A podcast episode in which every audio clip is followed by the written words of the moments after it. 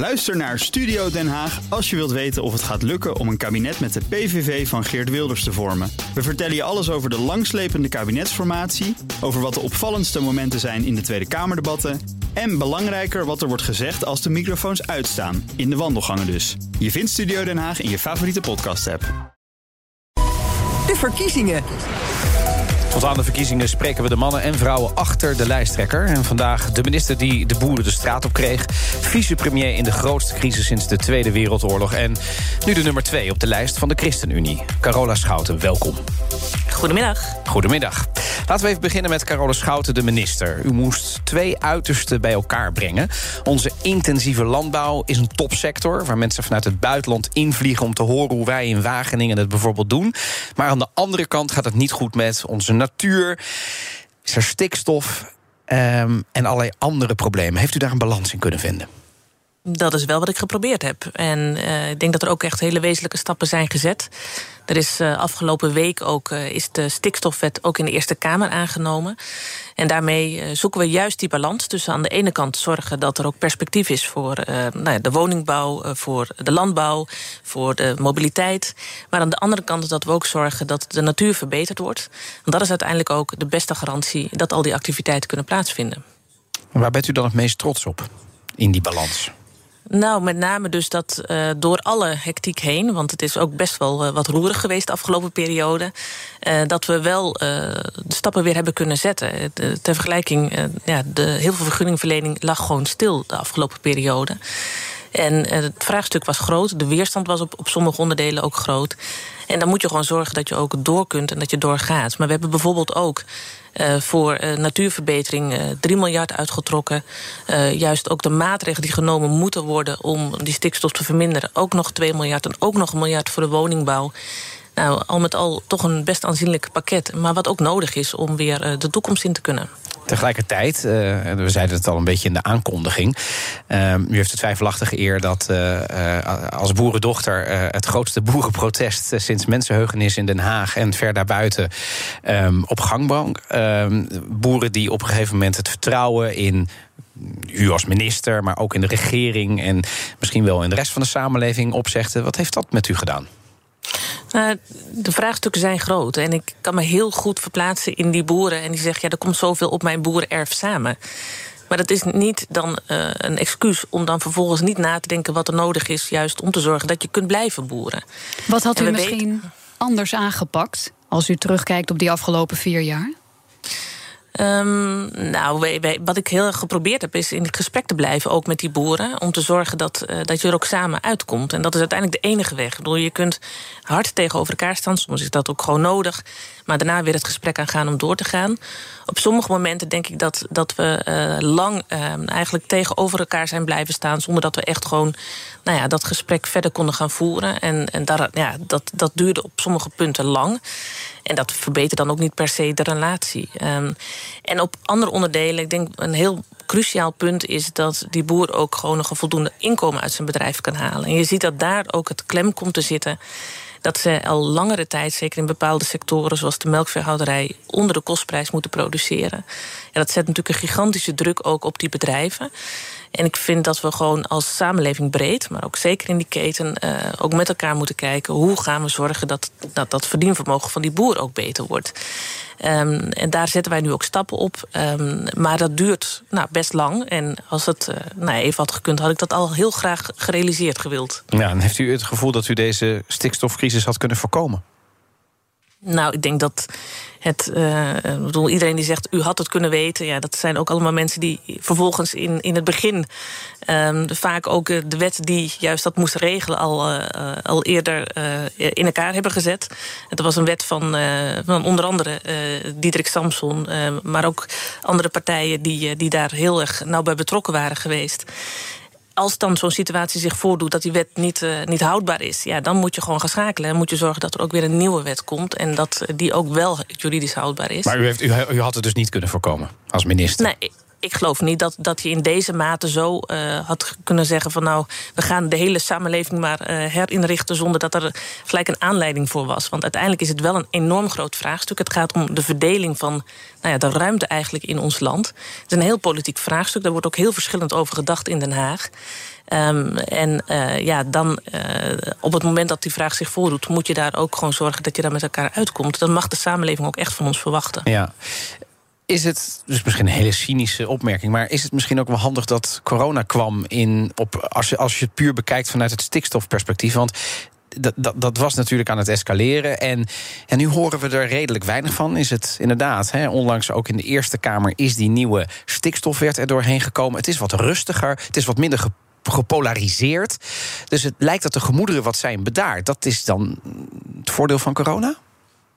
Nou, ik zie uh, echt op geen enkel vlak een voordeel van corona. Um, dus laat ik dat voorop stellen. Ik denk dat het juist op dit moment heel veel bedrijven, heel veel burgers raakt.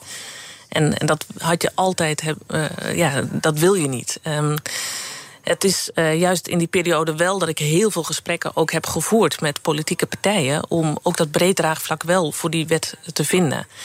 Um, en dat is sowieso mijn taak. We, we weten Wat is dan we... uw aanpak, als ik u mag storen? Want er wordt vaker gezegd, he, u, u beheert, uh, beheerst dat politieke handwerk ontzettend goed. Er worden ook wel eens wat verwijzingen gemaakt naar... het is handig even buiten een sigaretje te roken... en wat dingen met mensen te bespreken tijdens onderhandelingen. Maar wat zijn uw methodes? Wat is uw aanpak? He, blijft u immer kalm en bij kans stoïcijns... of slaat u met de vuist op tafel? Een inkijk het zijn heel veel kopjes koffie die je dan drinkt. Want je moet luisteren. Je moet luisteren wat andere partijen belangrijk vinden. Je moet luisteren waar hun zorgen zitten. En steeds blijven bedenken, wat zijn dan ook weer mogelijke oplossingen daarin? Um, want we hebben een heel breed palet eigenlijk aan partijen achter deze wet gekregen... die niet normaal elkaars bondgenoten zijn. En dan zit je gewoon uh, eerst alleen, één op één... veel uh, te praten met, uh, met de woordvoerders van die partijen. En later ook gezamenlijk. Dat zijn heel veel uren die we met elkaar hebben doorgebracht. Maar houd altijd de sfeer goed. Dat is wel echt belangrijk. Blijf constructief, blijf luisteren.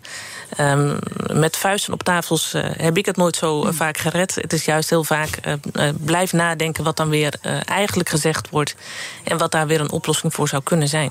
Je luistert naar BNR in de middag. De gast is de nummer 2 van de ChristenUnie, Carola Schouten.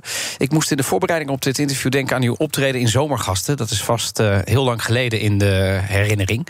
Um, in dat interbellum, weet u nog, die zomer waarin Zeker. we voor die tweede golf nog zaten. Um, toen omschreef u hoe u als een klein meisje uh, op de boerderij. Volgens mij ging u naar de koeien. En u keek ja. toen helemaal achter naar die provinciale weg. En ooit zei u, rij ik weg over die weg. Ja. Hoe kijkt de volwassen Carola Schouten daar nu naar? Ik ben weggereden. Dat is, dat is gebeurd. En uh, het was inderdaad, wij woonden op een boerderij. We hadden veel land achter onze boerderij. En daarachter lag een provinciale weg. En ik moest heel vaak de koeien inderdaad gaan halen. En aan de ene kant vond ik het leven heel fijn op die boerderij. Maar ik verlangde ook heel erg naar nou ja, het, de, de grote wereld eigenlijk, die, die ook nog open lag. Ja. En ik nou ja, goed, daar heb ik denk ik mijn stappen wel in gezet. En, uh, en ook uh, in die zin, uh, nou ja, dat je dat ook nooit van tevoren allemaal bedenkt. Dat, dat de wegen soms anders gaan dan dat je bedenkt. Bent u daar trots op? Nou, ik geloof dat wat, wat mij altijd drijft, is dat op welke plek je ook terechtkomt, um, dat je daar altijd moet bedenken wat je kunt doen, wat je kunt bijdragen. En dat heb ik wel gedaan. En, en, dan kun je altijd weer verschillen van mening of dat voldoende is geweest. Maar ik ben niet weggelopen voor de moeilijke momenten. Ik ben ook niet altijd de makkelijkste weg gegaan. Uh, maar ik heb wel gewoon mijn taak op me gepakt uh, die voor mij lag. En, ja. en, dat is ook wel hetgeen hoe ik denk dat je uh, in het leven moet staan. Want u had natuurlijk, we spraken het net al, dat ministerschap was niet makkelijk. U had ook kunnen zeggen, doe maar niet meer die plek 2. Want ja, u weet, noblesse oblige, dat brengt verantwoordelijkheden met zich mee. Heeft u nooit getwijfeld? Ik heb in die, in die bewuste zomer, waar dat zomergasteninterview ook was... dat was ook de zomer dat ik heb nagedacht van... Uh, wat wil ik hierna? Wat wil ik echt nog ook op, op, de, op de lijst voor de ChristenUnie?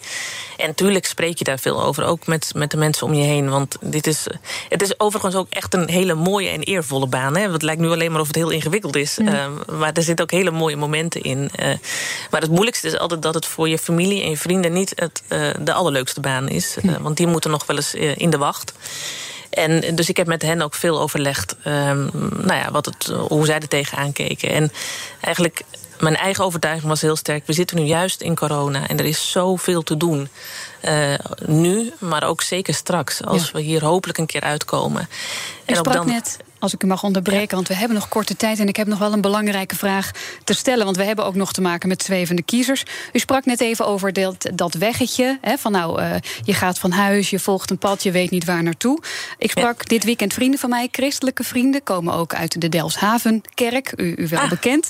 En ik vroeg hen, waar ga je op stemmen? En ze zeiden, we weten het niet. We zouden eigenlijk wel willen stemmen op de ChristenUnie. Maar die verrekte Moria-deal, daar heeft die ChristenUnie zo'n ja, niet-christelijk gezicht laten zien. Dat was echt hun tekst. Um, Snapt u hun worsteling en trekt u zich dat ook aan? Ja, want uh, hun worsteling was ook en is nog steeds onze worsteling. Um, je hebt momenten in de politiek dat je soms echt ook trots bent op wat je bereikt. En er zijn momenten, momenten in de politiek dat je Um, nou ja, dat je, dat je terugkijkt en dat je denkt... dit is uh, in, in alle opzichten niet mooi geweest. En dat was zeker bij de Moria-deal. Um, de vraag was toen... Um, je weet dat in de Kamer er een meerderheid is om helemaal niks te doen... En konden wij stappen zetten om juist nog wel iets te doen. Ook al is het nou, bijna dat je met, met, ja, met, met levens bijna hoeveel mensen wel, hoeveel mensen niet. Het voelt echt bezwaarlijk als je dat moet doen. Ja. En tegelijkertijd heb je ook die verantwoordelijkheid als je daar zit...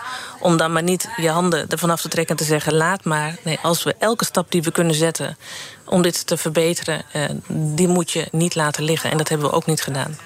Dan tot slot de vraag die we iedereen stellen aan het einde van het interview. Op wie gaat u stemmen? Op Gert-Jan Segers. Ik heb heel veel uh, met hem samengewerkt de afgelopen jaren. Daarvoor ook al. En ik heb een grote bewondering voor hoe hij het doet. Um, als kleinste coalitiepartij, de kleinste fractie. Gewoon voluit meedoen en ook kunnen laten zien dat je idealen uh, niet alleen uh, aan de zijlijn hoeft te verkondigen, maar dat je ook echt impact kunt hebben met die idealen. En daarom verdient hij mijn steun. Dank, Carola Schouten, de nummer 2 op de lijst van de ChristenUnie. Maandag hebben we weer een verse nummer 2 hier in de middag. Corinne Ellemeet van GroenLinks. Ook Hugo Reitsma vind je in de BNR-app. Superhandig die BNR-app. Je kunt alle programma's live luisteren, breaking nieuwsmeldingen. Je blijft op de hoogte van het laatste zakelijke nieuws. En je vindt er alle BNR-podcasts, waaronder natuurlijk de belangrijkste, Boeken zijn in de wijk. Download nu de gratis BNR-app en blijf scherp.